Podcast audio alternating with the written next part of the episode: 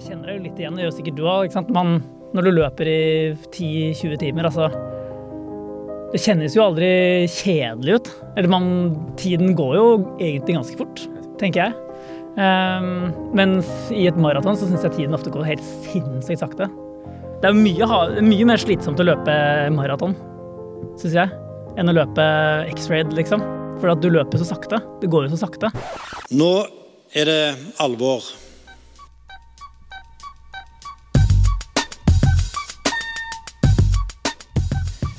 Velkommen til podkasten, Morten Bergesen. Tusen takk for det. Det her er jo da introen, så det er ikke du som er dagens gjest, egentlig. Vi spiller jo inn den introen her nok en gang fra bøttekottet på jobben vår. Mm. 12. etasje, Dronning Eufemias gate. Hva er det vi har her inne på bøttekottet? Skal vi se, her har vi jo øh, brus en masse. Solo Super. Burn. Vitamin Well. Powerade. Ja, så er det jo øh, gass My til ballonger. Mye Fanta og colaer. Og det er det også. Ja. Uansett, da. Vi er jo her ikke for å snakke om uh, brus. Uh, vi er her for å snakke om uh, dagens podkast og hvem det er som sponser den episoden her. Og det er ikke Fanta og Burn og Nei. Vitamin Well. Nei. dem som sponser episoden, det er Salomon. Rett og slett.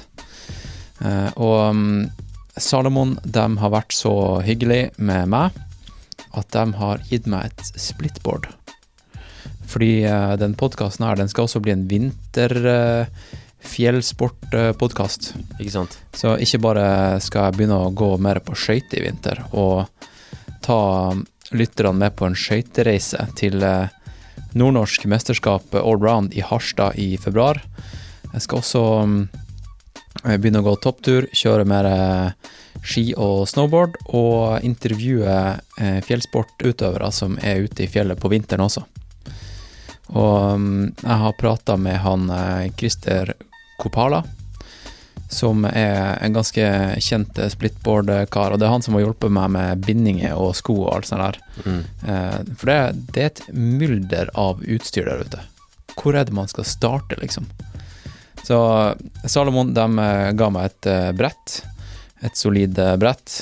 Og resten har jeg fiksa sjøl. Og det, det, blir artig å, å lage en podkast om utstyr og sånt til splitboard, for det, det er mye å ta tak i der. Det tror jeg på. Jeg kan mm. ingenting om splitboard, så det gleder jeg til å høre. Nei, og det er jo Jeg har alltid vært litt sånn uh, tilbakeholden, eller litt sånn skeptisk uh, til det. For at de, det har alltid gått en sånn rykte om at splitboard er ikke like effektivt som uh, randoski til å komme seg opp, eller i hvert fall i vendingen, da, når mm. du skal kjøre ned igjen. Og det er også at det ikke er samme kjøreopplevelse som det er med et, et vanlig snowboard. Mm. Men nå begynner det å bli skikkelig bra. Og nå har jeg kjøpt meg faktisk hardboots og bindinger som er laga for hardboots. Så det tror jeg kommer til å gjøre susen. Du prøver å, å være litt rando samtidig som du skal være brettkjører? Mm, litt ja. hybrid. Ja. Så det blir jo spennende. Kult. Så masse shout-out til Salomon. Jeg så jo det at han Kilian har jo faktisk gått fra Salomon nå, etter 18 år. Det er ganske vilt. Det er vilt. Det var noen som uh, sa at det var det samme som uh, at uh, han Messi forlot Barcelona. Ikke sant? Mm. Så nei. Så synd for Salomon. tenker jeg. Og um, ja, Salomon de sponser jo også Nøsen Hundreds. Mm. Det her ultraløpet som går, jeg tror det er vel 17. til 19. juni. 2022. Det løper jo jeg i 2021 nå. Uh, og ja, Salomon sponser det løpet, og det gjør også vi, Morten. Det gjør vi. Nok Nok. Den her regnskapstjenesten som eh, vi driver og styrer med. Eh, hva er hva er greia med Nok Nok? Nok Nok er eh, regnskapstjenesten for de små. Um, de som ønsker å gjøre regnskapet sitt selv, men som har innsett at de trenger litt hjelp fra flinke regnskapsførere. Så det er en superbillig um, løsning hvor du kan gjøre regnskapet selv, men så har du full tilgang til regnskapsfører i chats når du øh, har behov. Og akkurat, akkurat, det nå, akkurat nå så er det deg. Akkurat nå så er det meg. Ja, så Um, når folk eh, skal trykke på chat-ikonet ned, nede til høyre, så er det deg de snakker med. Og du er en løper, du kan alt om regnskap, og du svarer nesten døgnet rundt. Altså Nå er jeg jo skada, så da har jeg muligheten til å svare døgnet rundt. Ja, ikke sant?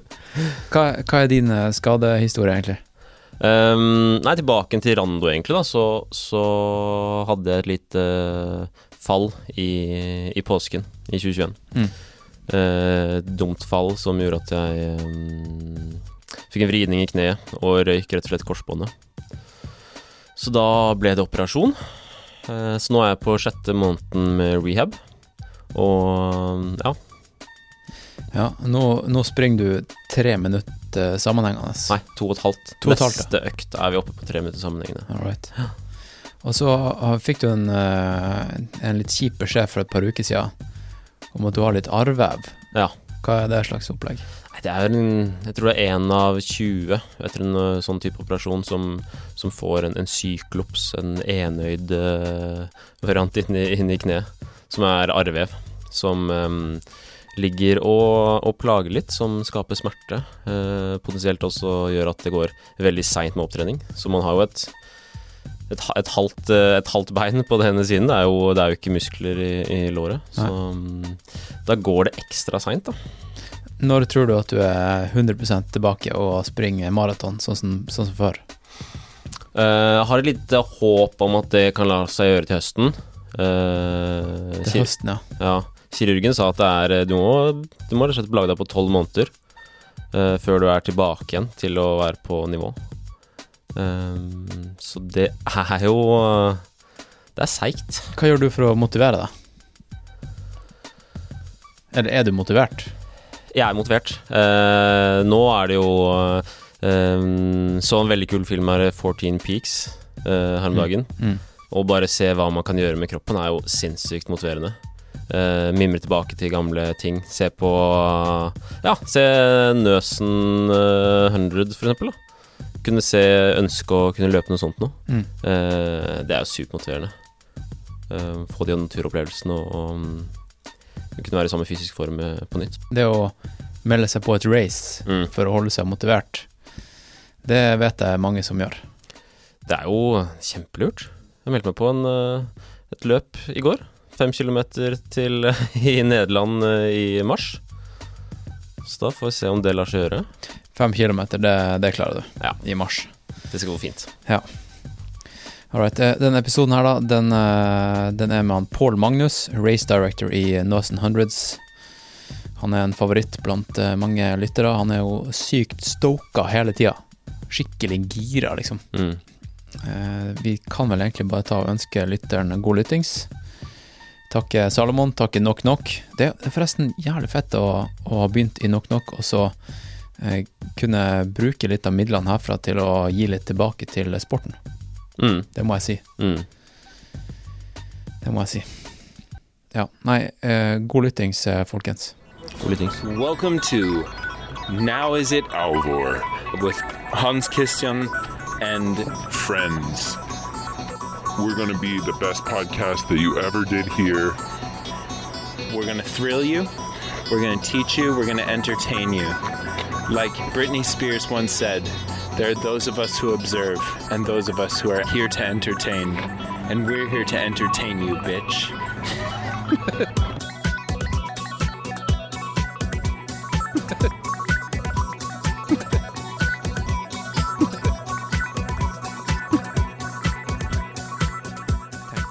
starte å prate om eh, farskap. Ja. Ja, fa Og farskap og trening, kanskje? farskap og trening. Ja. Det er en bra inngang. Ja. ja. Vi starter der. Ja. Vi har starta. Right. Velkommen til podkasten, da. Takk for det, Hans Christian. Hvordan er det å, å være til stede her i det i eh, dronning Efemias gate 16? Det føles uh, mye mer corporate enn det jeg trodde at du var, da. Ja. ja. Det kler deg. Jeg har ikke på meg skjorte, da. Nei, men du har på deg en ganske kul T-skjorte, ser jeg. En eh, Nøsen Hundreds ultramaraton-T-skjorte. Mhm.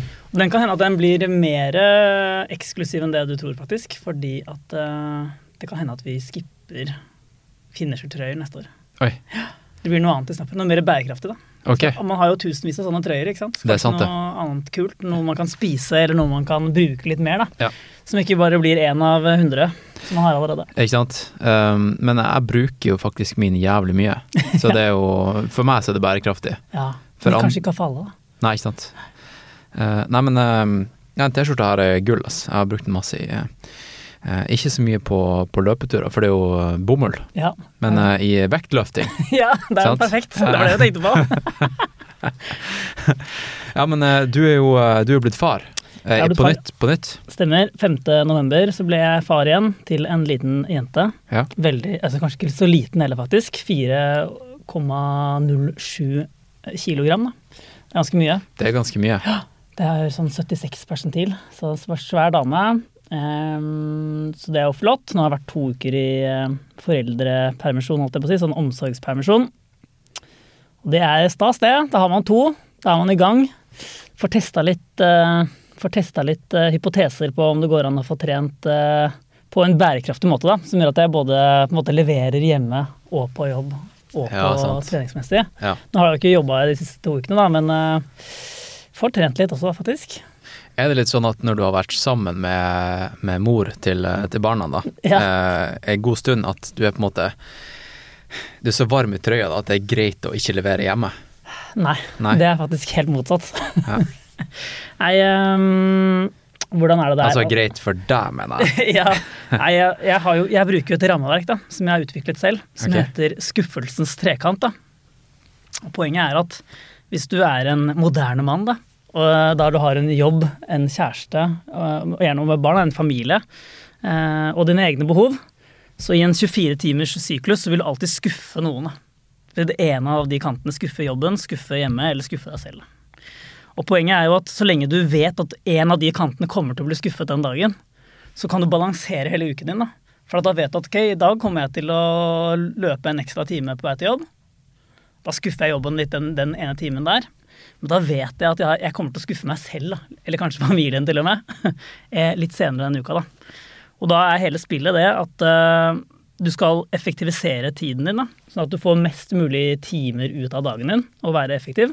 For da på en måte åpner du spillerommet i skuffelsens trekant, men det er også litt som å løpe ultra. ikke sant? Når man løper ultra, så vet man jo, eller man burde i hvert fall tenke over at ok, når jeg løper denne 100 km, eller hva det er for noe man løper, så kommer man til å ha perioder, eller kanskje ha perioder der hvor man føler seg veldig dårlig. da. Og hvis man har visualisert at den, det kommer, og at man er klar over at det kommer, og at man har tenkt gjennom hva man skal gjøre når det kommer, så håndterer man det mye bedre. Og det samme er det i skuffelsens trekant. For det var det jeg merket i begynnelsen når man, man fikk barn, familie og jobb, var at man hele tiden gikk rundt og prøvde å og skulle liksom eh, være perfekt i alle hjørnene av den trekanten hver eneste dag. da. Mm. Og det bare går ikke.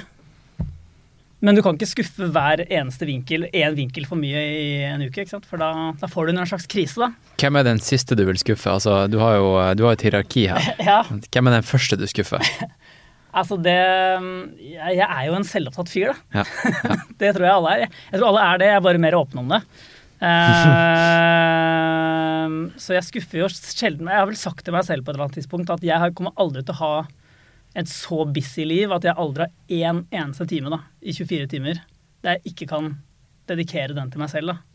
Og det handler ikke om at jeg skal drive og få en sånn sommerkropp 2021 eller noe sånt heller. Det handler om, å, det handler om min mentale e evne til å yte, altså både på jobb og hjemme, men også det å ha det bra, liksom.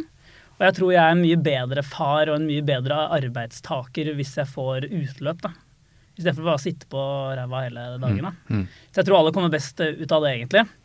Så Nei, jeg prøver jo Jeg, jeg tror ikke det er noen jeg skuffer mer enn eh, noen andre, holdt jeg på å si. Kanskje ja, Jeg innser jo nå at eh, det blir at det blir eh, At noen ganger så må man bare la livet kjøre, og at man da ble det en fridag den dagen, liksom. Men eh, som vi også snakket om i andre podkaster òg, da, så har vi kanskje sånne folk som meg, som kanskje ikke har alltid en klar plan for hva som skal trenes. I hvert fall ikke den mellomperioden som man er litt i nå når man skal inn i vinteren. Så kanskje man ikke restituerer nok uansett. Og når man lever det livet med to barn og jobb og sånn, så sover man dårlig. og Så kanskje den ekstra fridagen egentlig er, er helt grei, da. Um, Ja, hva du gjør nå av trening, liksom? Når du Eh. har den ene timen om, øh, om dagen, ja, hva du Ja. prioriterer? hva jeg prioriterer? Mm, Nå har jeg jo Jeg begynte å lese den der eh, Training for the Uphill Athlete. Da. Ah, har du lest den, eller? Ja, ja. Den er jo helt konge. Mm. Så nå har jeg jo blitt helt sånn inni uh, mitokondrien, ikke sant. ok, ok, ja. Men eh, nei, så hva gjør jeg nå? nå Så du tenker på mitokondrietettheten? jeg tenker mer på det enn jeg hadde trodd jeg skulle gjøre da. I, i livet. da. Men det er ikke så mye at det er et problem, tror jeg. Um, nei, jeg, så da trener jeg Jeg prøver å unngå sone to. da. Det er liksom sånn mye så rolig løping. Eh, også når det skal trenes intervaller, så trenes det sånn eh, hardt. da. Eller sånn der man burde ligge, på en måte. Ja. Og tenke litt på hvor i året jeg er. Fordi nå er det jo da høst, og så skal man gå masse på ski og sånt når den tiden kommer. Så det er ikke noe sånn poeng å være sånn super eh, Være i sånn megatoppform da, akkurat nå. Så nå bare fokuserer jeg på å få inn Ha det litt gøy, rett og slett. Få inn uh, volum, liksom, og kose meg med det. Og så har jeg en klar plan for hva som skal gjøres eh, fra og med sånn midten av januar da, og fram til liksom juni-juli, der det kanskje kommer noe løp da, men jeg skal være med på. Mm. Og da følger jeg det treningsprogrammet jeg har lagt ut, faktisk. Mitt treningsprogram ligger gratis på nettsida vår. på Det er Trail ditt Nordic. opplegg. Det er mitt opplegg. Det Ja. er det jeg kjører uh, i år. Så det er, mitt, det er mitt treningsprogram som jeg bruker hvert år når jeg skal trene meg opp til en ultra som da ligger en gang i uh, juni-juli. Fett. Så det er det, er det programmet jeg bruker. Fett. Og det ligger der gratis, Gratis. for alle? Alle ligger inne på- trailnordic.com slash raceinfo. Der ligger det et treningsprogram. Helt gratis. Og den, er jo, den er fra hver dag, da, fra og med 16. januar eller et eller annet sånt, helt fram til eh, 18. juni, da, der hvor eh, Nøsen Hundreds eh, foregår. Ikke sant. Skal du gjøre noe triatlon neste år? Nei, nei, jeg tror nok ikke det. Jeg har nok øh, Jeg skulle jo egentlig løpe det derre Ironman-greiene i Kalmar øh, rett i 2020, før, da, før korona. Da trente jeg faktisk litt triatlon, men jeg, jeg tror mine triatlondager er over for denne gang, tror jeg. Nå er det fullt fokus på løping eh, og ultra, for det er det som Det er, det som, det er jo Fett. perfekt eh, sport å drive med for eh, busy småbarnsforeldre, da. Ja, de er sier det. så. Altså, det kommer jo an på ambisjonsnivået, da. Men uh, jeg har hørt flere si det. Selv om det er litt sånn kontraintuitivt. Det er sjukt effektivt, ikke sant? Det er verdens enkleste sport. Du trenger bare å trenger Ultraløping. Ja, ultraløping, kanskje. Men løping, da. Ja. Altså sånn ultraløping. Altså sånn derre så, når- så når du driver med det du og han der Didrik Hermansen og sånn driver med, det er noe helt annet. Altså, dere er jo helt uh, Dere er jo Det er som å sykle rundt i fjellene i Frankrike og være interessert i Tour de France. Du skjønner ikke at det er mulig, ikke sant, hva dere driver med. Og så å løpe den der Nøsen Hundreds 100K-runden på under ti timer, det virker helt uh, umulig for meg, da, sånn rent fysisk. eh, og at det er mulig. Men for uh, folk som er på mitt nivå, da, så, så, så har jeg aldri helt sett det store utfordringen med å løpe ultra, egentlig. Alt jeg på å si. Det er mye, mye mer slitsomt å løpe maraton, syns jeg, enn å løpe X-raid, liksom. For at du løper så sakte. Det går jo så sakte. Ja. Eh, og sammen med de som skal løpe nå Bislett 24 innendørs i 24 timer, det skjønner jeg heller ikke noe av. For da, da løper du jo bare inne, og du har ikke den opplevelsen. ikke sant? Så Når du løper de der spesielt Jeg vil jo kalle det sånn adventure ultra, da, som er type sånn eh, Nøsen, Rondane, X-Raid, sikkert noen av de andre Svalt Salomon-løpene som er der ute, ikke sant, med den der Sandnes Trail og alt det der. Da har du også den opplevelsen med å være i naturen og soloppgang og natta, og det er jo en hel Ja. ekspedisjon, ikke sant. Ja. Det å bare liksom være inni hodet sitt i 24 timer og bare løpe i ring på Bislett, det, jeg skjønner at det appellerer for folk som er keen på å utfordre seg selv og komme inn i en eller annen sånn mental boble. Det er det sikkert flere som har hørt den der eh, I det lange løpet med han Simen Holvik og sånt. Ja, Som er helt rå på det, liksom. Eller uh, Nå er det alvor med Simen Holvik. Ja, stemmer det. Cirka åtte episoder. Faen, stemmer det, altså. Ja, det er for dårlig. Jeg tok det meg. Eh, ja, og um, shout-out til broren hans òg. Jeg jobber jo med broren hans. Broren til Simen Holvik, Ja, ja. hva han heter Han heter André. André Holvik? Mm, han løper også litt. Um, men, eh, så, så jeg har jo da skjønt at han klarer å finne en sånn der mental boble, og jeg kjenner det jo litt igjen, det gjør sikkert du òg. Når du løper i 10-20 timer, altså Det kjennes jo aldri kjedelig ut. Eller man, tiden går jo egentlig ganske fort, Er sant, det? tenker jeg. Um, mens i et maraton så syns jeg tiden ofte går helt sinnssykt sakte. Spesielt de første, to, første, første time halvannen. ikke sant? For da er du, bare, du er fortsatt i god form, og du bare driver og venter på at det skal smelle. alt jeg får si. Så det er noe Jeg har aldri gjort et maraton. Det, jeg kan ikke relatere, Nei. faktisk. Ja, du går og venter på 30 km, da. Ja. For da, da starter kampen, ikke sant. Så det var sånn jeg opplevde det. At uh, man, man løper eh, de første 10-20 km. Da, da, da var det ofte sånn at jeg kjeder meg. For du, du kan ikke pushe, for da vet du da smeller det. Ja. Uh, og du, Ja. du må bare gjøre unna de første 20 km. Liksom. sant. For det er den siste halvdelen som har noe å si. da. Men det er vel noen som uh, kanskje nyter den der uh, storbyopplevelsen. Altså Ja. det å, å dra rundt til eh, en ny destinasjon da, og se seg litt rundt, Ja, ja. og bruke det som sightseeing. Ja, ja. Da kjeder man seg kanskje ikke. Nei, nei, ikke sant. Hvis man drar til eh, ja, det bruker New York Marathon eller Boston Marathon Mm. eller eh, Berlin eller Rotterdam eller Det er masse sånne kule steder, og folk som bruker det til feriegreie. Mm. Samme som med, med ultra. Sikkert. Um, dette husker jeg ikke helt hva vi prater om, egentlig. Hva... Nei, vi prater om uh, trening Ja. og, og sånt, da. og, og farskap. Ja, Heter det farskap? Faenskap, ass. Det er det det heter. Nei, det er det um, Nei, men Vi snakka også litt om hvordan du disponerer tida di, og den Ja. der, eh, den der triangelen. Sant? Ja, øh, og det Jeg tror at øh, man kan få til veldig mye hvis man bare For det første gjør en del sånn Man innser en del ting. F.eks. at øh, hvis man har en jobb som mange har, som handler om å selge eller et eller annet på nettet, eller en eller annen en eller annen kontorjobb, da, så er det så Det finnes en time der et eller annet sted. Det gjør det. Som du enten, og i hvert fall hvis du har en litt sånn fleksibel jobb, der du, ja, du burde være på kontoret kanskje en gang iblant og være der mellom ni og tre, men altså så lenge du leverer og har noen ting du skal gjøre, så det finnes alltid en eller annen time, da. Ja.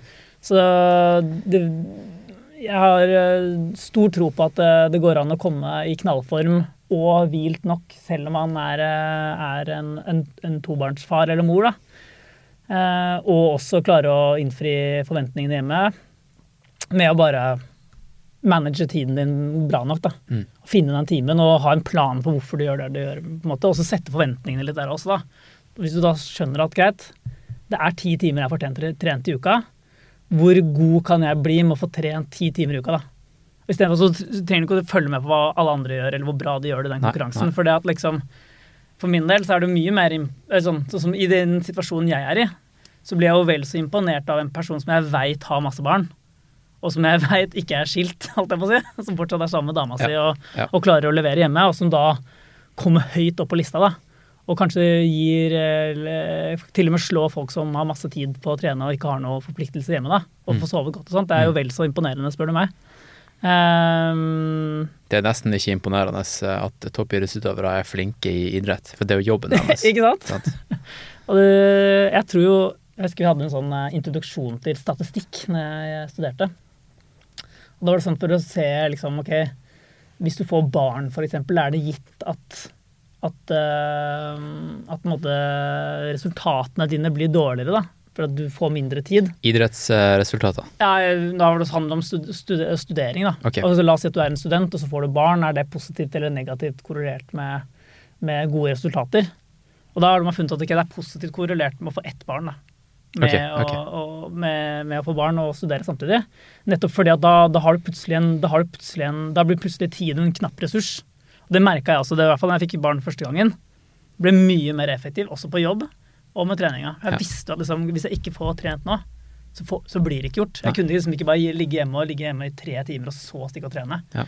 Det, og den der mengden med bare det å løpe fram og tilbake til jobb, da har du 20 km på en dag. da. Det er jo helt konge. Det er jo, Trener man så mye mer enn det, på en måte? Nei, det er jo det er jo genialt det der. Jeg merker det sjøl, altså, etter at jeg har tatt meg en jobb. Jeg er jo mye mer effektiv med tida mi Ja. etter at jeg fikk meg en jobb. Ikke sant? Ja. Og det er ikke sikkert du får det så mye verre heller. ass. Det er sånn derre Det med å ha liksom, rutiner og det å mm, det som, Man kan kanskje si at ja, men da blir livet ditt så kjedelig, for du gjør det bare det samme hver dag. Men, men du gjør jo ikke det. Det er sånn der, De tingene som du er keen på å få gjort, og som du vet du er keen på å gjøre hver dag, de burde jo gjøre en rutine, for da bare skjer det automatisk. Og alt det andre Alt det andre sprinkles on top, da, det som er si det, eh, ja. de andre tingene. Ja. Da har du jo plutselig, for da, da veit du at du har de tre timene der eller der. Du, for hele uka di er planlagt, ikke Mm. sant? Eller mye av det du vet at dette skal jeg i hvert fall få gjort, og dette gleder jeg meg til å gjøre. det er jo allerede planlagt, ikke sant. Så hvis du er keen på å finne på noe med noen eller gjøre et eller annet eh, som er helt utenfor det som du pleier å gjøre på en vanlig uke, så får du jo gjort det nettopp fordi at du har så gode rutiner. ikke sant? Sant. Og så har du gode rutiner på å sove, så da føler du alltid mye mer opplagt, du er mye mer bla, bla, bla. ikke sant? Og Der finnes jo sikkert 100 selvhjelpsbøker og podkaster som snakker om eh, liksom at eh, rutiner er liberating og sånt, men det er det, er det jo. Mm. Det er det ikke tvil om. Mm. For du får til mye mer. Hvordan hvordan er søvnen din nå, da, med en ekstra kid? Det er, Den er jo eh, såpass fersk at du vet ikke helt eh, hvordan mønsteret er, kanskje. Ja, det er nok eh, Det er jo Jeg vet ikke hvordan, det er for alle andre småbarnsfedre der ute, men, eh, men det er jo Jeg har jo ikke jeg, jeg, jeg har jo ikke melk i puppene mine, eh, og det hjelper. Har du ikke? Nei. Jeg har jo hørt at det finnes faktisk en sympatimelk Ja. for, for menn. Ja, nei, jeg har ikke fått det. Nei? Jeg pumper og pumper, men det skjer ingenting. Så det er jo lite jeg kan bidra med på natta, da, annet enn å på en måte være moralsk støtte, da. Ehm, Så jeg uh, får jo sovet ganske godt, egentlig. Uh, Men vi har jo en annen nå, da. Han er oppe og, og nikker litt, han òg, noen Ja. ganger. Så nei, jeg kan ikke skylde på søvnen, egentlig, altså. Så det er greit. Ja. Hvor, eh, hvor kommer egentlig Nøsen Hundreds inn i eh, hele det opplegget her, da? Når, Ja. når, uh, altså vi, vi har jo podkastet et par ganger tidligere, mm. uh, og jeg spurte jo garantert om det her, da. Men når, når og hvordan liksom oppsto tankene om Nøsen Hundreds? Hva, hvis du gir meg en liten elevator pitch. Ja, altså, det var jo ganske enkelt. Um, vi har vært en gruppe på sånn fem-seks stykker som har en sånn Snapchat-gruppe.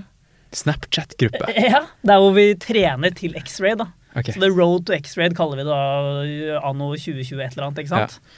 Og så var det det, skulle vi trene til, eh, til eh, X-Ray i 2020, og så var det jo korona, ikke sant. Og så, så var vi jo i knallform og tenkte eh, fuck, det er jo dritt at vi ikke Vi har satt av helgen, og alle har jo barn, da, selvfølgelig. Ja. Så vi har satt av helgen for lenge siden. Dette er planlagt, og vi gleder oss veldig da, til å gjøre det.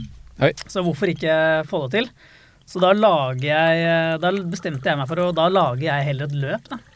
Oppe på hytta mi, på Nøsen. Eh, Så da lagde jeg egentlig bare en 100 km rute og sa bare ok, vi starter kjempetidlig for å kunne rekke hjem til middag, da. Så da starta vi sånn Jeg tror vi starta fire om natta da faktisk. Så var vi fem-seks stykker da, og løp det løpet, liksom. Og han ene fyren, han, eh, han jobber i Amer-sport, da. Og han syntes jo det her var helt eh, knall, og syntes at det her resonnerte bra med de verdiene som Salomon har, da. Altså, Amer de eier Salomon og, og Sunto, blant annet. ja, og Salomon Sunto jeg vet ikke om de Atomic. eier- Ja, Atomic, Peak Performance, Ja. Arcteryx. Det er jo agenturene de Ja, er, da. Eh, Ja. Så de har mye kule greier. Eh, Blant annet Salomon. da. Og de, eh, han sa at dette her, er- høres, det, det her er jo helt konge. Dette ønsker vi å, å sponse hvis du gjør det videre, da. Så da var jo det eh, bare å gjøre det, egentlig. Tenkte jeg. jeg hadde jo ruta sånn så å si ferdig, og Ja. hadde jo testa og løpt gjennom hele gang selv og sånt. da. Og syntes at det var bra. Så da var det jo da å gjøre det for første gang i fjor. Der hvor du var med. Ja. Eh, og det ble jo egentlig eh, ganske bra, syns jeg. Det var helt rått. Mm. Ja. Med festivalstemning på var. Nøsen eh, yoga. Så det var jo en liten sånn, sånn ting som vi egentlig ikke hadde tenkt så veldig mye over, men det ble jo det. på en måte. Og så var vi jo hjulpet av at, eh, at det var det, kanskje det første arrangementet som folk var på etter en en og en halv år med lockdown. Da. Så Mm. det var jo en veldig god stemning. Det var Eh, akkurat på nippet til at det, ble, til det også ble eh, utsatt. Oh, ja, sant? ja. Altså, Det var marginalt.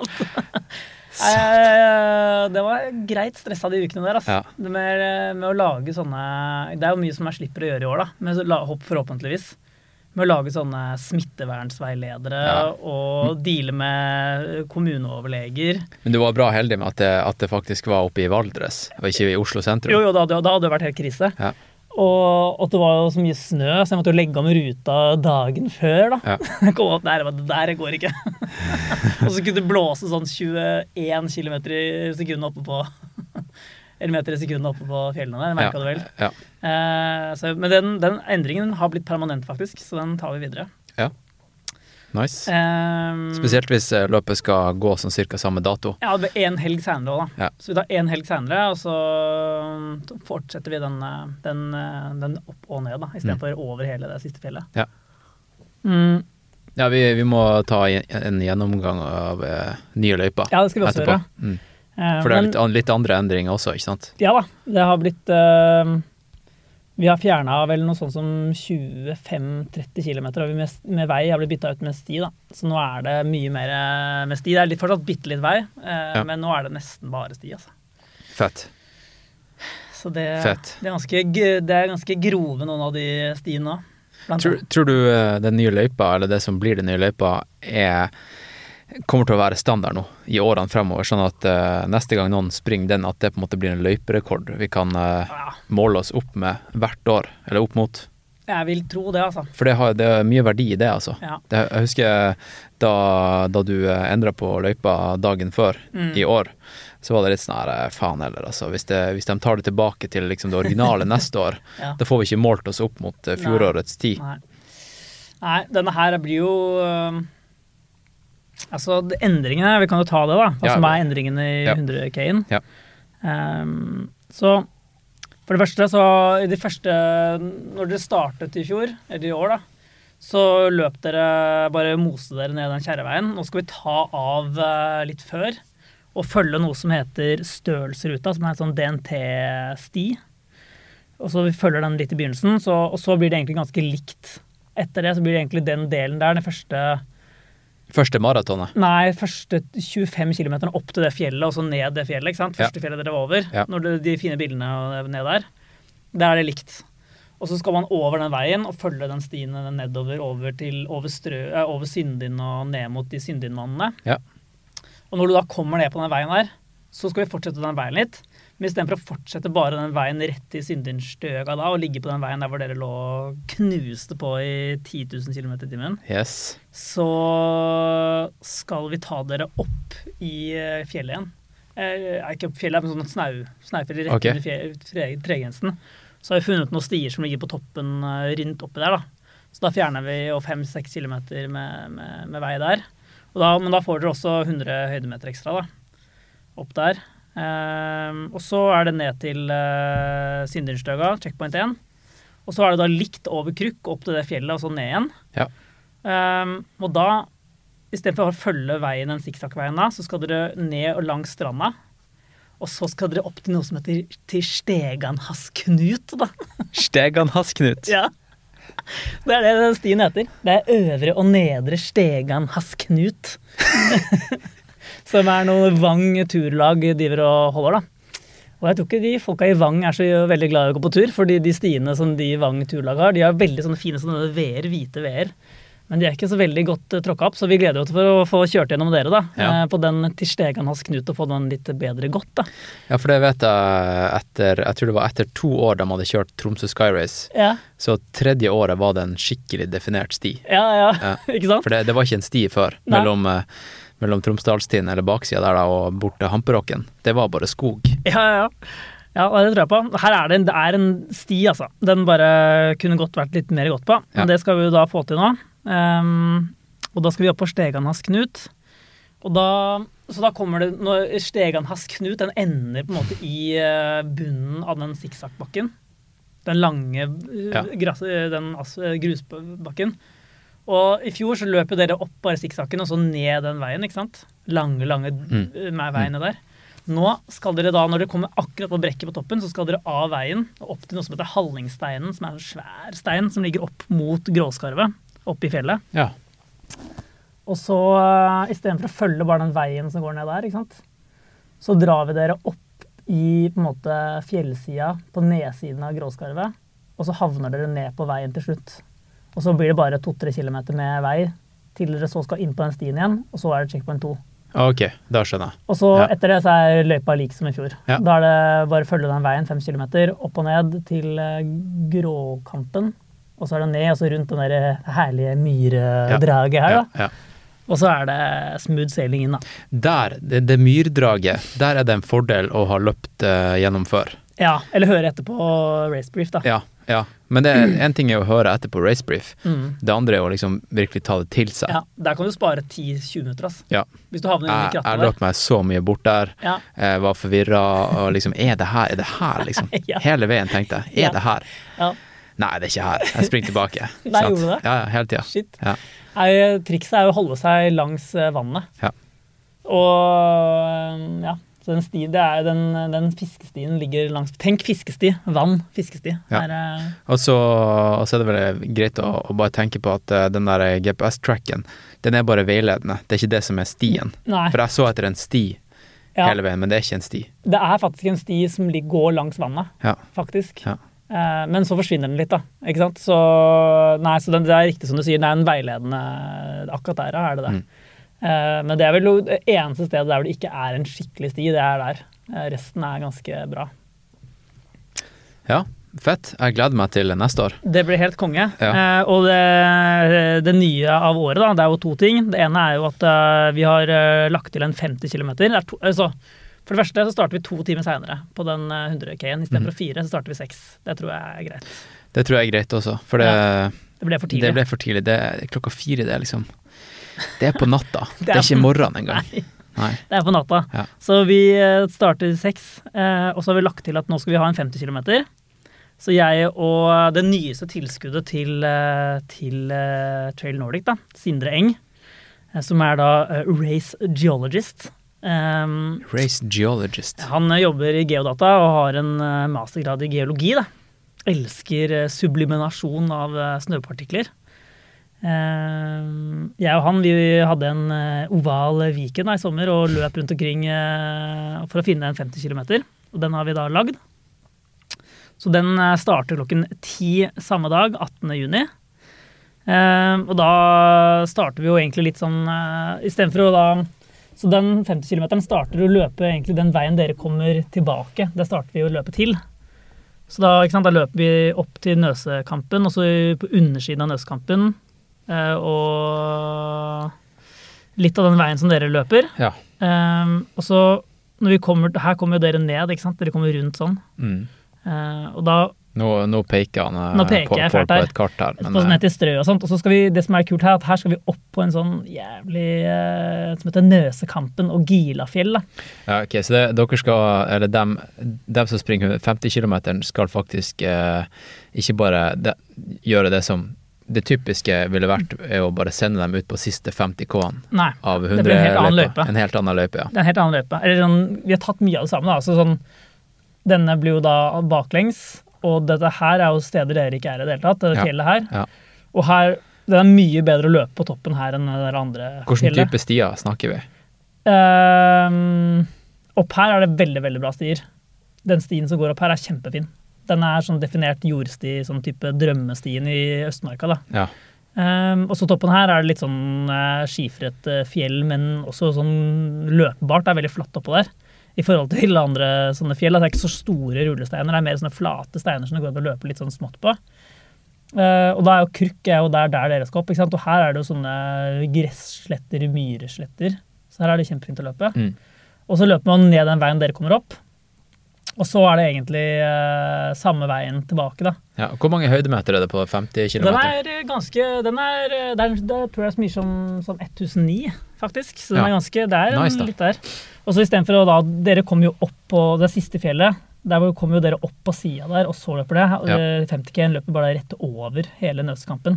Så da avslutter, ikke da avslutter dere med å se en helt fantastisk utsikt utover Nøsene. Ja.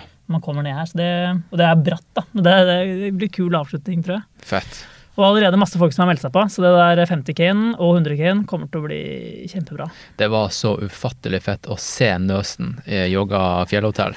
Nå begynte det å bli ferdig. Eh, når, du, når du liksom er kanskje ti kilometer fra mål og er oppe i åsen der, og du ser Mm. mål, målgang, liksom. Det må du kline til. eh, jeg, hørte, jeg hører på en podkast som heter Hennings verden. Mm. Har du hørt om den? Nei. Det er en, eh, også en indie-podkast. Eh, og han bare intervjuer folk som han syns er interessante. Og eh, en av eh, gjestene som var der, det var han der yogalæreren. yogalæreren. Alexander Medin. Yes. Han er kul. Han er jo en skikkelig guru. Han er det. Ja. Alle, så jeg tror sånn, Driver du med yoga i Europa, faktisk, Ja. så tror jeg du vet hvem det er. Og så Ja. har du hørt om Nøsen. Det er merkelig. Han er liksom en av de få som faktisk har lært seg sanskrit, og Han er helt rå. han har gått til verks.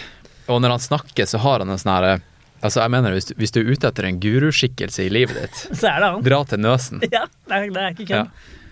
Ja, Han har jo Vi snakket jo om det i forrige podkast òg. Han har jo endra livet til folk på en veldig positiv måte. Da. Og han har jo brukt yoga til å få folk ut av rus og Hele det der yogagreiene oppå Nøsen også er jo en fantastisk historie. ikke sant? Nøsen Jeg tror det var sånn 60-70-tallet så var jo Nøsen et veldig populært sted. Før alle fikk seg egen hytte. ikke sant? Da var det mange sånne fjellhotell. Populært for hvem? for folk som skulle på ferie, da. Mm. Som skulle ha skiferie gå på langrenn og sånt. Og så var det jo da sikkert 20-30 år der hvor eh, det hotellet bare skifta eiere hele tiden og gikk konk hele tiden og sånt. Og du fant aldri noe som funka der oppe, Mm. inntil han tok over, da. Um, han er jo helt uh, han, han, han ser muligheter, da, for å si det sånn, og tenker kanskje ikke alltid så nøye gjennom hvordan ting skal gjøres, men han er jo så positiv, ikke sant? Mm. og han har jo så mange venner, for han har jo endra livet til folk så positiv, uh, i positiv retning. Så han får jo alltid hjelp, ikke sant. Så folk vil han vel. Ja. Så ting han gjør, det går bra, fordi at det er så mye pos... Det er så mye bra karma rundt han. Ja. Karma, kall det karma, eller ja. det er så mange, Når han møter på folk, så legger jo folk godvilja til, fordi han er jo så bra. Man tror jo på han, man vil at han skal lykkes, ikke sant. Ja.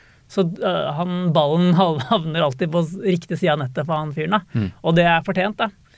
Ehm, så, og det, vi hadde aldri klart å få til uh, Nøsen Hundreds uten Nøsen hotellet heller, da, fordi vi, det er jo som å være hjemme hos noen. Altså, du kan jo bare gå rundt på det hotellet og gjøre hva du vil. og uh, pengene, penger og sånt, det er de ikke så veldig opptatt av. Det er sånn, Det må jo betales for ting, og, Ja, ja. sånt, men vi kan jo bruke hva vi vil. og det, det er en veldig sånn gjensidig nytteverdi, da, både for dem og oss. på en måte. Vi, de, de ser verdien i at vi er der oppe og lager masse blest rundt det. Kjører masse på Instagram og sånt om bare området. ja, sant. Og så skjønner de det, at det er positivt for de, og så åpner de bare opp hele hotellet sitt for oss, da. Og lar oss bruke det som vi ønsker.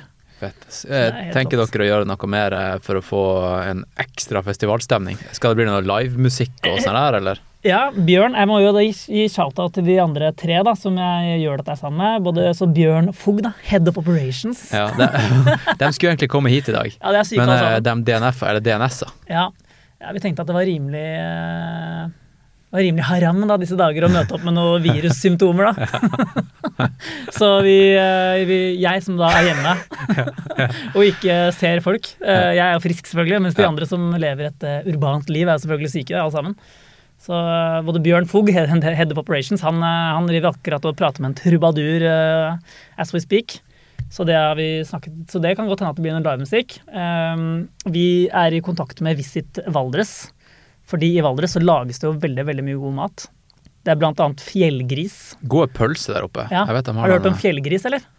Det har jeg ikke. Det er fett, ass. Bare fem kilometer sør for Nøsen så er det en sånn grisebonde som har bare flytta alle grisene sine opp på fjellet. Og så koker han bare et tonn med poteter, da. Og så bare her er det masse poteter for grisene, da. Så grisene stikker ikke av, så da går de grisene bare rundt opp på fjellet der. Og spiser bregner og får godt masse, så jeg tror de spiser tre ganger så mye som en vanlig gris, da. Og så blir det bare verdens diggeste grisekjøtt. Det er fjellgris. Rått. Så de spiser potet. De spiser poteter, Ja. og det er greia at de, de, de får sånn kraftfôr og kokte poteter. Ja. Og da, da, da trenger du ikke å gjære inn de grisene, eller noe, for de stikker aldri av. For de veit at det er jo kokte poteter her. ikke sant? Så de vil aldri gå så langt unna. Um, så de er oppå der i sommerhalvåret. Og så, så eh, blant annet, da. Så det er jo da fjellgris, og så har du da valdresost, bukonost. Det er jo bukono, Dere løper jo forbi bu- bukono når dere løper 100 K-en. Mm. Eh, Det er jo rakfisk oppå der. og- Nei, du tenkte ikke så mye på det. Men uh, poenget er i hvert fall at det er veldig mye veldig god lokal uh, matproduksjon i Valdres, og spesielt rundt oppå Nøsten her. Så det har vi vært i kontakt med Visit Valdres, og vi skal kanskje, vi skal i hvert fall ha fjellgris. De skal stå i målområdet og mekke verdens diggeste pølser, da, og griseburgere, eller hva de har å by på. Mm. Så det blir jo litt festival av det. Eh, kanskje litt livemusikk. Kanskje noen andre lokale produsenter noe sånn- noen sånne ting. Eh, Det blir jo forhåpentligvis mye mer flere folk, og vi skal markedsføre denne muligheten for å ligge i telt da, utenfor Nøsen eh, mye mer. Ja. Og så skal vi nok eh, leie noen hivabbassdasser, tror jeg. Ja, ikke sant? Det er nok smart. Det er nok smart. Det Ja. er festivalstemning Ja. for de som har vært på festival. Det er jo ingenting som å være på en hibasdass da. Litt uh, urinaler også, kanskje. Ja, ikke sant? Ja. Men det, det, det vil vi jo skalere etter hvert som påmeldingene kommer, da. Ja. Vi jo, for altså, det er også viktig å nevne at uh, skal man bo i telt der, så kan man ikke bare møte opp med det, man må også booke plass da, Mm. gjennom eh, bookingsiden etter Møsen. Skal dere utvide antall eh, påmeldinger? Ja, Altså, ja, absolutt. Dere hadde 100 Vi har 100. Så når i fjor, har, eller i år. ja, så nå, per nå så er det da Vi har satt et uh, tak på 150 deltakere på begge distansene, så det er jo da 300. Ja. Og så er det 30 plasser til cupen. Så i, i teoretisk da, så er det da 330 plasser. da. Så egentlig så mer enn dobler vi Vi antall enn mennesker. Vi tredobler. mer enn tredobler Ja. antall mennesker på Nøsen. Ja. Det er litt sånn i Alexander. Medinoen. Vi har ikke tenkt så veldig nøye gjennom eh, Nei, nei. det, egentlig. Det bare, vi tenkte bare Mja, hva, hva, hva er kapasiteten? Det er plass, liksom. Det er plass.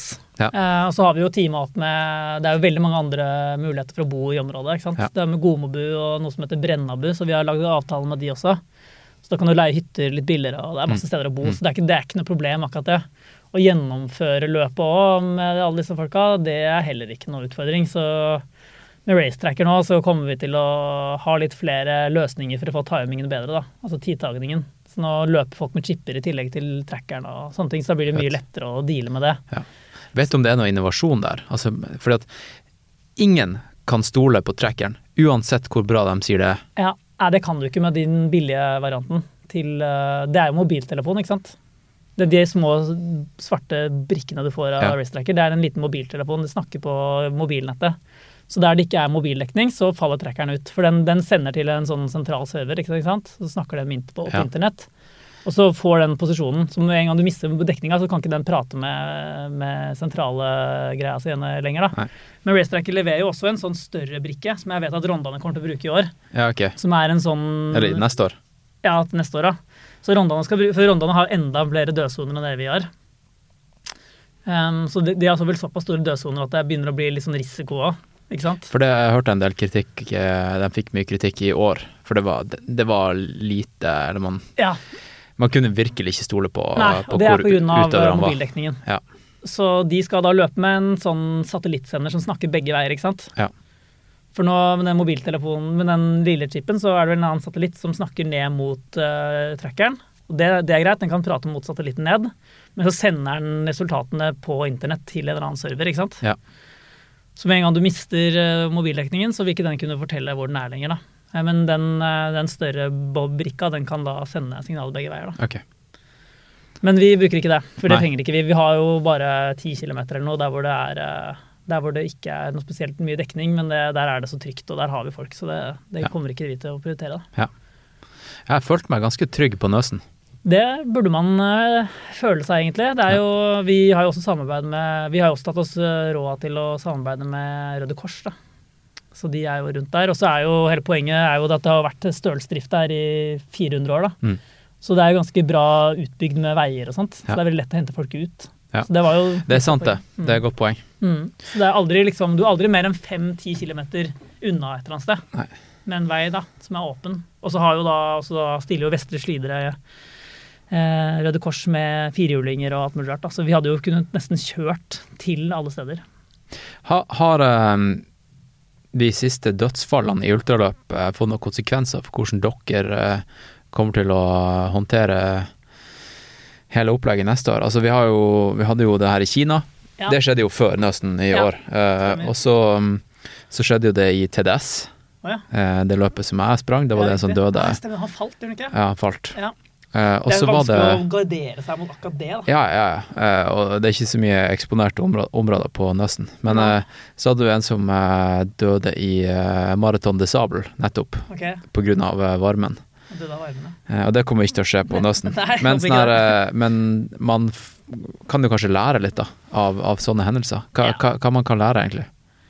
Nei, uh, som vidt jeg har skjønt, da, så, sånn som den greia i Kina, så var det vel ingen mandatory equipment, var det ikke det? Så de folk Nei. døde vel av at de frøs i hjel, for de hadde ikke med seg noe regntøy eller noen ting. Ja. Så der, eh, det har jo ikke vi. vi eh, jeg tror de som, Den utstyrslista vi har, være kanskje liksom i drøyeste laget i forhold til hva man trenger, da. Men så er klart, Mm. grunnen til at man har de tingene i sekken, er jo ikke fordi at man skal ta det på seg når man løper. Det er at du skal ta det på deg når du har falt og brukket beinet, og du venter på at noen skal hente deg. Jo da, jo, Du er den første race director som har sagt det, som jeg kan huske, for, i en race brief. ja, ja, For det er jo det som er poenget. ja. Ja. Du, du, det er jo derfor du har det med. Ja. Du, for når du ligger der og venter på at du skal hente deg ut, det er jo da du dauer jo ikke av å brekke beinet. Du dauer av å fryse i hjel mens du venter på at noen skal hente deg. Ikke sant? Så da har du utstyret for det. Um, og så har jo da vi valgt å samarbeide med, med Røde Kors og tatt den kostnaden. Og det er fordi han eh, sjefslegen vår, da, Magnar eh, Thorsen, han, eh, det er jo han som har eh, måte planene og forteller oss hvorfor vi burde gjøre det vi burde gjøre. Og han forteller jo da det at eh, hele spillet handler om å kunne hente folk ut fort nok når de skader seg. For det er, de fryser i hjel. Det er det som er problemet. ikke sant? Ja. Med mindre du banker hodet mot en stein og dør med en gang. Det er ikke så mye å gjøre med. Uh, ikke sant? Ja. Så jeg tenker vel at det er der vi Vi kommer ikke til å ha noe tightere opplegg i år enn i fjor. Eller til neste år enn i år, da. Fordi det var ganske bra. Mm. Vi følte ikke at vi på noen som helst tidspunkt følte at vi ikke hadde kontroll. Eh, men jeg tror ikke vi skal eh, slakke noe av heller. Så vi kommer til å fortsette å jobbe med, med Røde Kors. Og så har vi jo da leger på checkpoint 1 og checkpoint 2. Og så kommer vi til å ha kjempestrenge krav på, på mandatory equipment. da. Det eneste vi faktisk har, eh, vi har Det er én sikkerhetsmekanisme vi har faktisk roa ned, og det er den søknadsprosessen. Så jeg har gjort det reaktivt. da. Ok. Så du, må- når du registrerer deg, så får du plass med en gang. Men du må skrive om hva du har gjort før, og hvis du ikke har erfaring, skrive hva du har tenkt å gjøre. Og så har vi på en måte retten til å stille spørsmål eller ta deg ut da, hvis vi syns at det er for dårlig, det som står der. Ja, interessant. Mm. Ja, fordi altså, på et eller annet tidspunkt så må du jo faktisk eh, gjøre noe drøyt for å kunne Altså, det blir som å, å søke jobb. Hvis du ikke har noe erfaring, hvordan skal du få deg jobben? Ja, ikke sant? Så- Da, du må bare fortelle hva du skal gjøre. Da. Og det er ja. litt av grunnen til at vi har den eh, treningsprogrammet der òg. Ja, ok, ja. Hva skal du gjøre? Jeg skal følge treningsprogrammet. Ja. Jeg vet at det treningsprogrammet funker. Ja, og jeg skal høre på noe alvor, og jeg er dedikert. Ikke sant? Og hvis du gjør det, så, så på en måte burde det gå.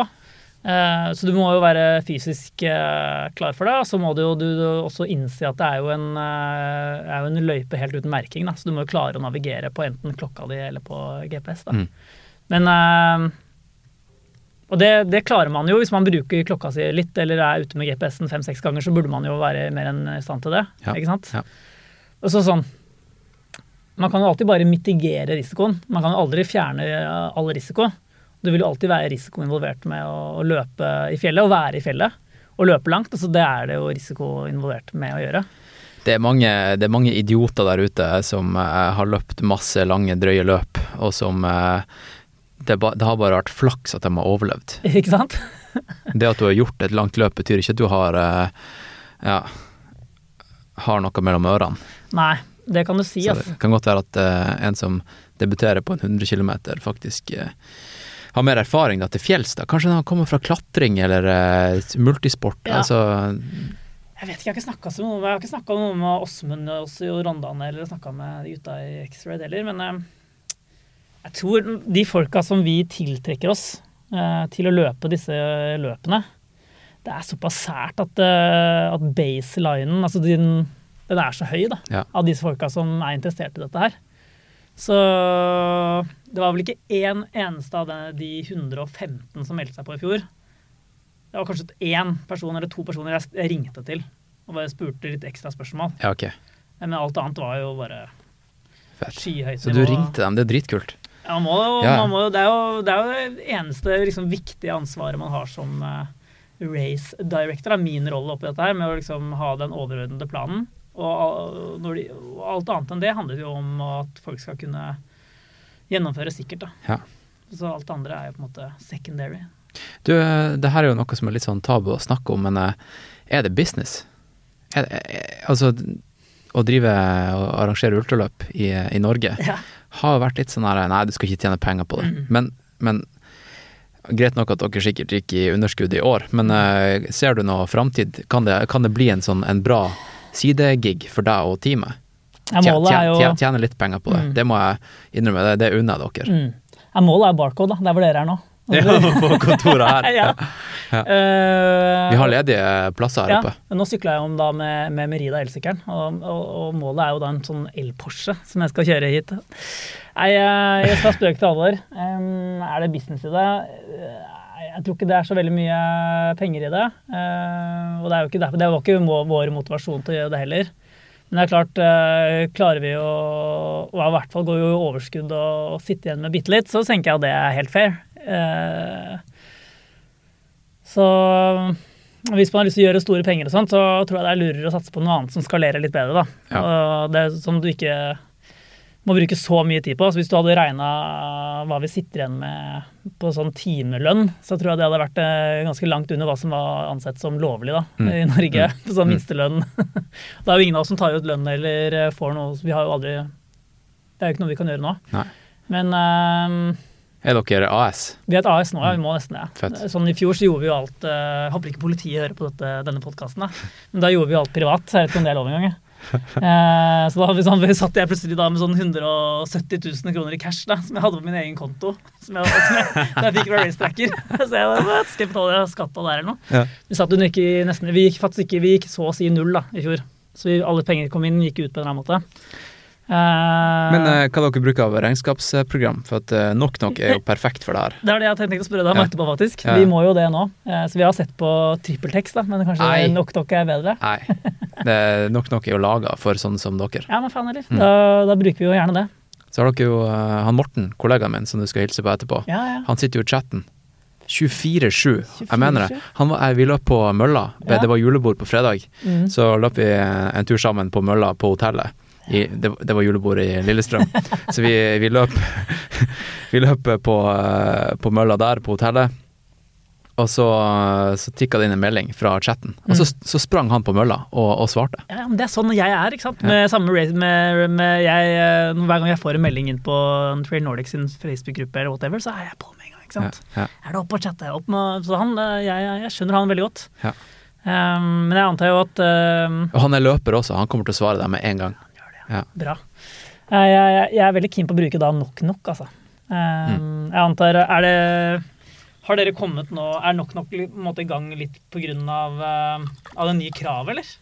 For nå er jo det kravet til regnskapsprogram er plutselig blitt veldig mye høyere, er det ikke det? Um, vi er ikke um, lovlig sett autoriserte regnskapsfører, uh, altså på Hvordan skal man si det? Uh, du, du står til ansvar.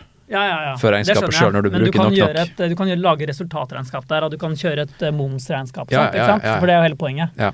Så du kan, du, Den har en sånn eksporteringsfunksjon, så du kan levere det på til hva nå enn du gjør. Jeg har ikke gjort det, da. Har, ja. Nei, eh, du er, det total integrering med Altinn og banken din, så du slipper å logge inn på, ba på banken din. ja. Jeg har jo hatt, jeg, jeg, har et annet selskap også, et investeringsselskap. Mm. Eh, og da må jeg jo sittet og gjort regnskapene i Excel da, og levert inn noe sånn jævlig drit. Da. Det holder ikke. Nei. Det holder ikke. Så eh, med, med, med Trail Nordic så må vi nok ha et regnskapsprogram. Men de var på nippet til å bestille TrippelTex, så det var bra du Ja, vi er mye billigere. Det, eh, det var ikke meningen at det her skulle bli sånn her reklame, men eh, 149 i måneden, Ja, det er vel er ikke, du- det, er ikke det noe av det samme som det er en bargain. Er? Og, og eh, hvis du vil ha regnsk eh, regnskapsfører i chatten, 349.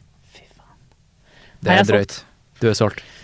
Eh, Du blir nok den der basispakken da, på 149, for Ja. dama mi er jo, er jo revisor, så hun er da også fungerende økonomisjef da, i, i Trail I Trail Nordic. Nordic. Ja. Så hun fikser eh, med regnskapet sånn eh, Nice. Mm, regnskapsmessig. nice. Eh, Ok, alt er på stell. Alt er på stell, på stell. som vanlig. Fortell om eh, cupen, da. Ja, eh, så det er jo da den, eh, den siste og kanskje kuleste nyheten da, eh, som vi har. Og det er jo at eh, vi har gått i samarbeid med, med Rondane 100.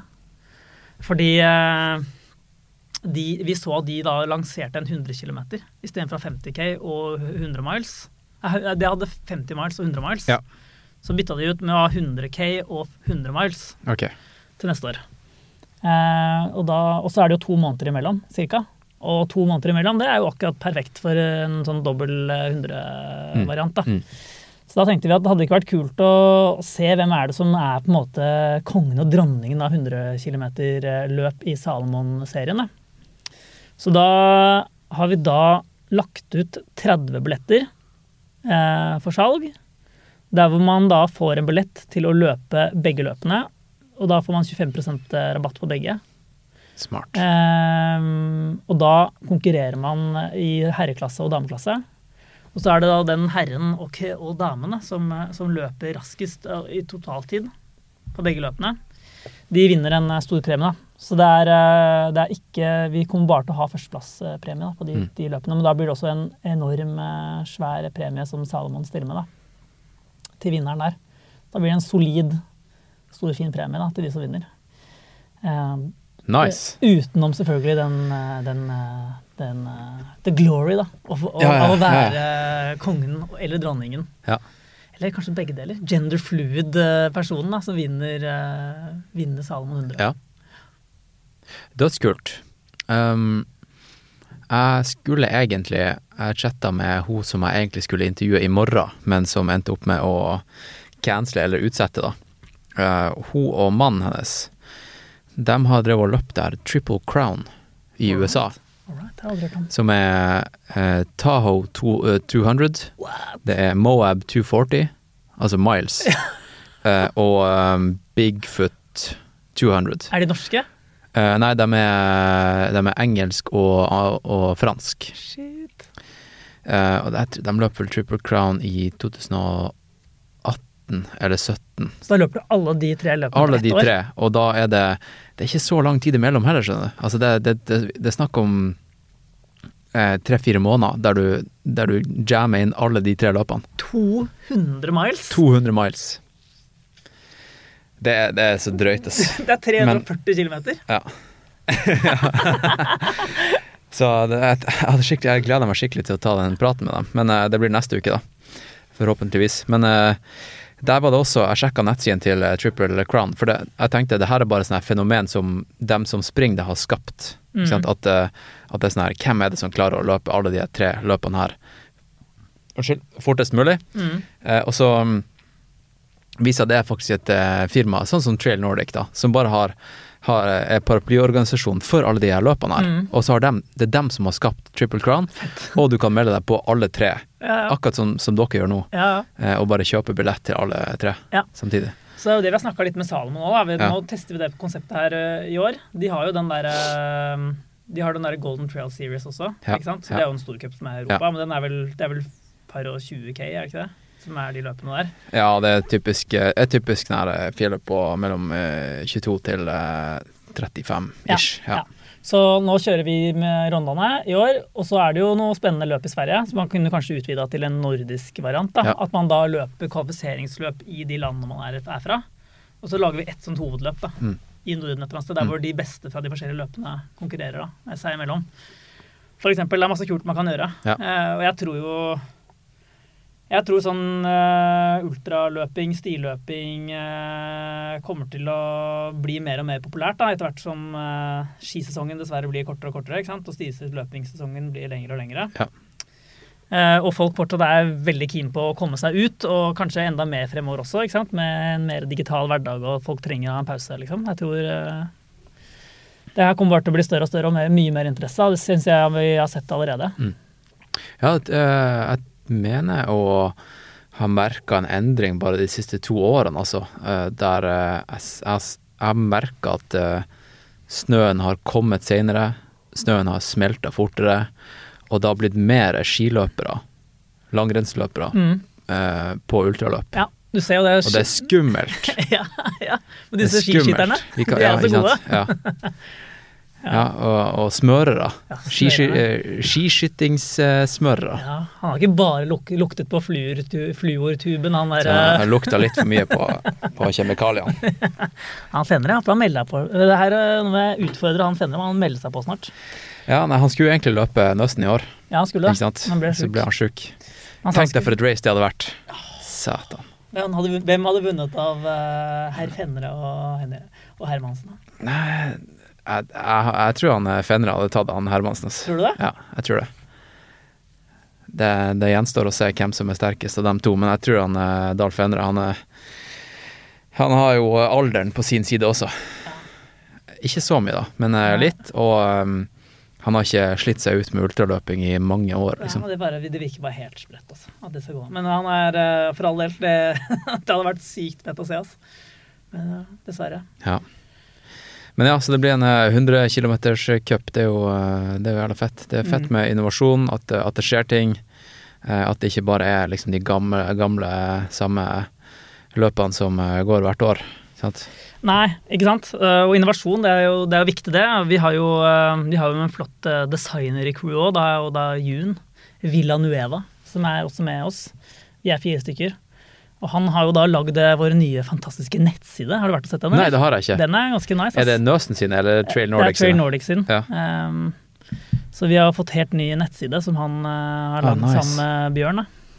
Nice, Så den er ganske smooth i forhold til den andre Jalla-siden som jeg ja. lagde i fjor. Den var jo så stygg at uh, Så den er ganske mye nicere. Fett. Så den må du bare titte på. Det er til og med et quote fra deg der. Seriøst? Mm. Dæven. Det her er en uh, Squarespace-side. Det er helt riktig. Og det er nesten samme theme som jeg brukte til Nordalvor-nettsida. Ja, ja. Uh, skal vi se her, da. Så du skal se der. Ja, ja, her er det flere nice eh, quotes. Mm. Um, ja, ja. Nei, men det Jeg vet ikke om jeg skal sitere meg sjøl, det blir litt flaut. Men uh, vi kan sitere han Paul Augier. Fast and wild. Uh, Nøsten Hundreds is competitive race uh, with amazing sceneries.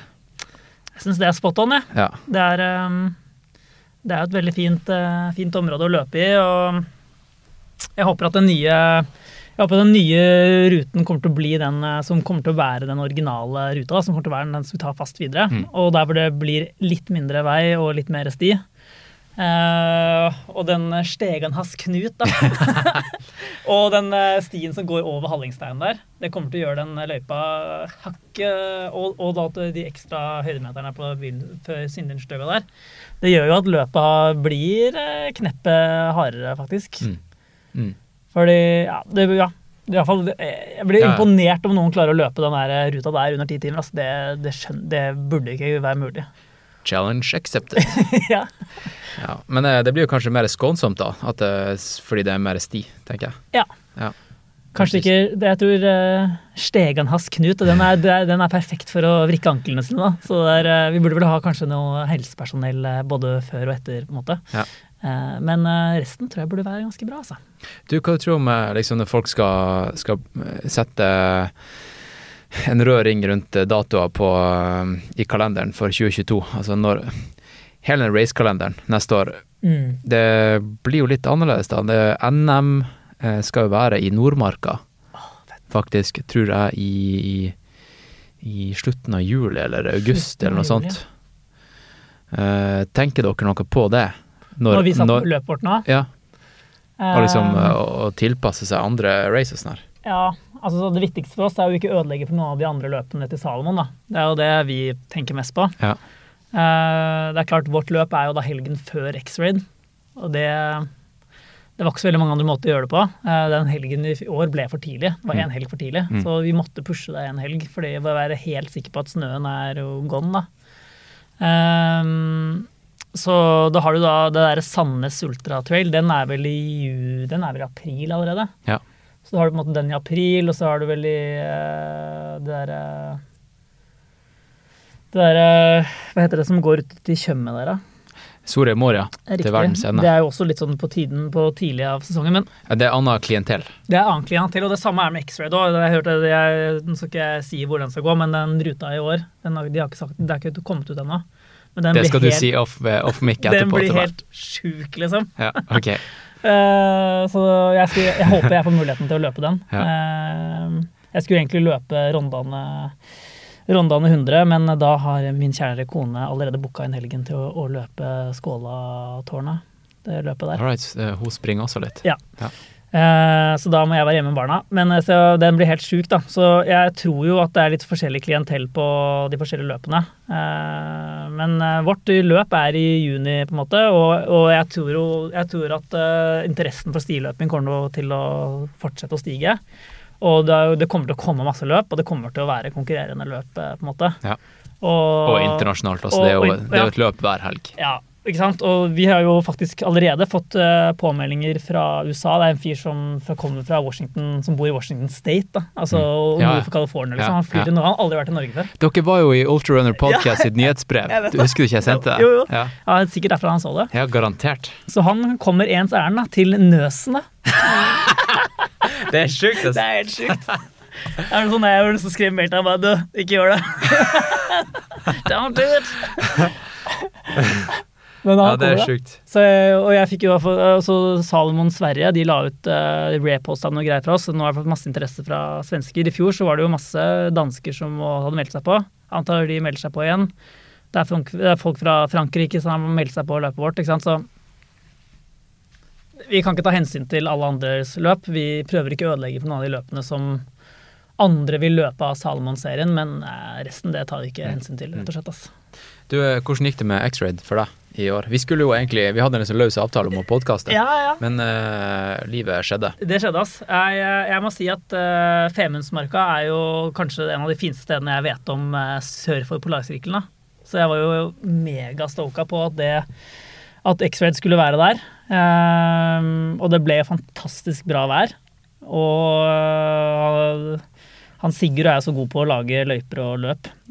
Så det ble kjempebra. Jeg, eh, jeg stacka opp med noe, noe, noe vestlandslefse som hadde gått ut på dato, viste det seg. da. Så jeg stappa det i meg i kjeften. bare, Jøss, det jævlig vond smak i munnen man får når man løper ultraløp. Så fant jeg ut etterpå at de var bare pill råtne. da. Jeg, var, så liksom, jeg tror jeg ble litt sånn gæren i magen av det, faktisk. Ja, det er jo Didrik Hermansen sine eh, Secret Sauce er jo eh, Spiser vestlands... eh, Ja. Mugne vestlandslefser. Ja. Nei, kort race brief der, så race, race uh, Hva heter det for noe? Sånn uh, Race brief heter det vel. Uh, Nå er det mye engelske uttrykk her. Vi fikk kritikk sist gang vi podkasta. Jeg gjorde det. Ja. Uh, det er mye Hva heter det? Race-rapport. Nei, Løperapport. Løpsrapport. Løpsrapport. Ja.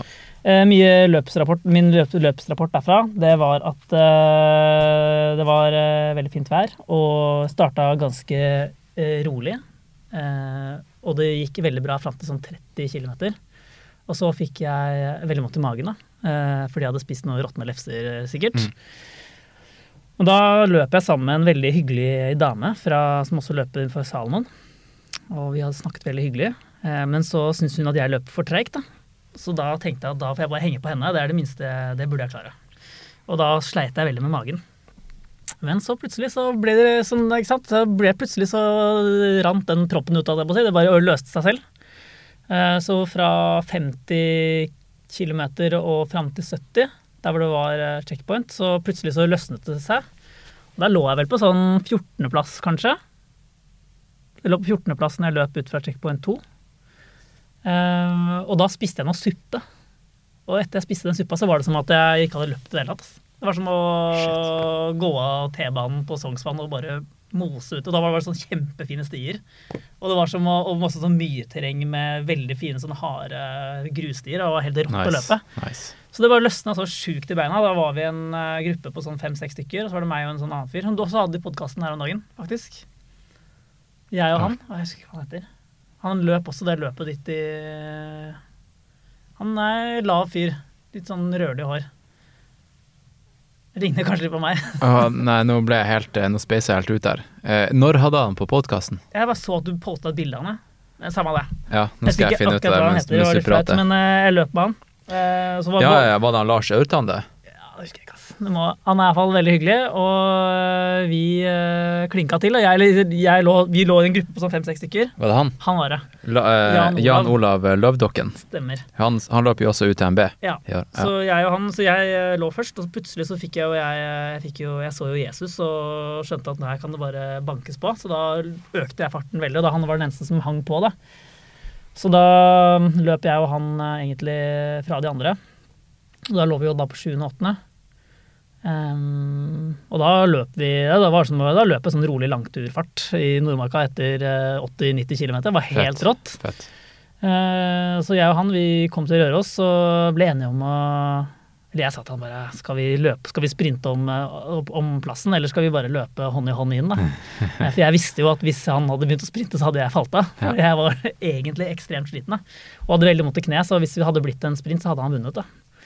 Så prøvde jeg å holde maska og si, ja, han spurte om han ville gå sammen over, da. Og det ville han. Ja, okay. Eh, og så hadde vi jo da chip på, og jeg hadde startet da et halvt sekund bak han. da. så jeg kom et halvt sekund foran han på startlista. Resultatlisten. Så beklager det. Eh, den Ja, men det er en del av gamet. Altså, ja. Det, men det, det, det må nesten folk bare vite, at hvis det er noen som innser på å løpe sammen inn, Ja. så har vedkommende et problem. Ja. Og det Da er det, da er det han som sliter mest. Ja, men jeg var bedre på å navigere enn han. Ja. Og han hang på meg hele natta. Okay, ja. Så han skyldte da. jeg sa det til han, Ja. jeg sa det til han også. Det hadde vi spurt han det, så hadde du vunnet. Så sa han ja, ok, men jeg hadde ligget bak deg uansett. Hadde ikke jeg fått navigert sammen med deg. Ja. Så da var vi enige om det. Og han fikk også vondt i kneet sitt etterpå, skjønte jeg.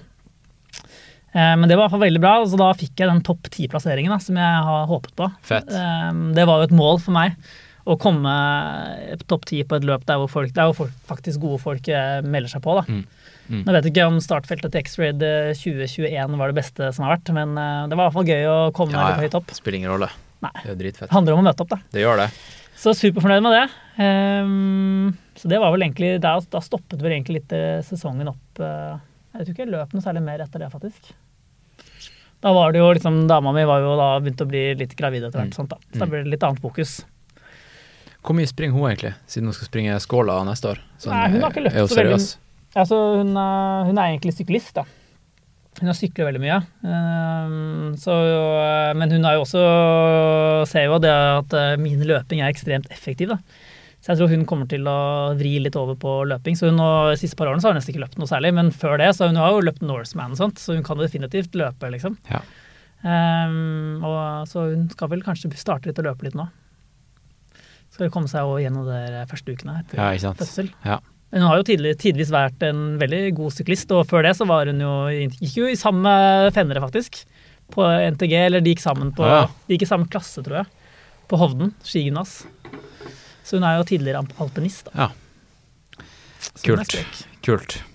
Hvordan eh, kommer eh, treninga di til å se ut i desember og sånt? Altså utover eh, Fram til ditt program, program starter. Ja, er fokus på å ha det gøy og få litt mengde på løpinga. Og så få vært på gymmen i hvert fall én til to ganger i uka. Og løfta tungt på, på bein. da, Mm. Kjørt masse beinstyrke. Mm. Eh, og så det, elsker jeg å gå på ski. da. Det, å gå på langrenn er jo min favorittaktivitet. så hvis det kommer snø, så er det å være mest mulig på ski. da. Og da er det bare å ha det mengde og bare kose seg. da. Ja. Og kjøre den basetreningen. da. Og ikke noe sånn kjøre kanskje to intervalløkter i uka. Kjøre bakkedrag på tirsdager, og så kjøre fart på torsdager. da. Høres, så, eh, høres bra ut. Så ha det gøy, da. Så blir det jo det der regi- regimet mitt i, i januar, da. Ja, som er litt mer Da sånn starter regimet. Da starter eh, Da starter regimet på det, det der eh, treningsprogrammet mitt, da. Og det, det blir gøy. Ja. Ehm, jeg tenkte vi kan jo begynne å runde av snart, tenker jeg. Um, altså, på, på tampen det her bruker jeg, jeg bruker å ta opp en god del uh, lyder når jeg er ute og går på gata. Uh, og så tenker jeg alltid sånn det her skal jeg ta med i podkasten. Ja. Og nå kom jeg på at jeg skal spille av okay. det siste jeg spilte, spilte inn. Jeg, for jeg glemmer det alltid. Okay. Men det, det, her, eh, det her spilte jeg inn. Jeg gikk på Karl Johan i går kveld, som man eh, gjør. Mm. Ja, og så var det en som spilte sånn her eh, panfløyte. Right. Og det var, det var så jævlig at jeg må dele det med publikum.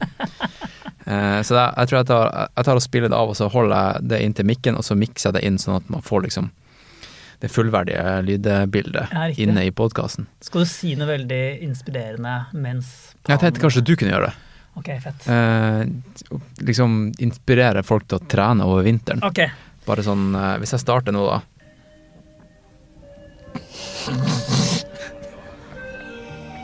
Ok. Ja. Du har alltid tid. Det handler om å gjøre det.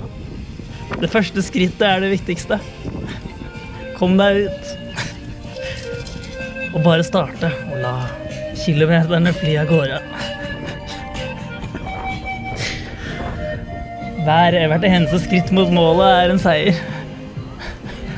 Hold ut. Jeg tror ikke jeg klarer å være så mye mer inspirerende da. Nei. Men uh, takk for at du kom, da. Jo, takk for det. Takk for at jeg ble invitert igjen. Eller jeg inviterte vel meg selv, da. Ja, ja. Men, uh, Men, uh, det var- tusen takk det var- for at jeg ikke være her. Ingen stress, og jeg takka ja med en gang. Oh, perfekt. Ja, du er en favoritt oh, blant lytterne. Da spiller vi av resten av det, så skal jeg mikse inn originalen også, på tampen.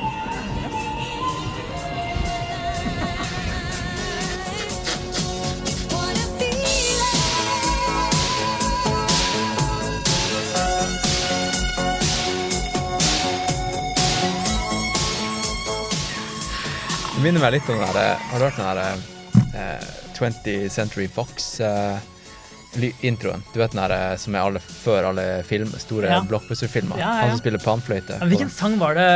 What, a Feeling, eller? Ja, Det var det. Ja. Det var ikke gitt. nei. Men eh, hvem som eh, Hvor eh, skal X-Raid være, da? Det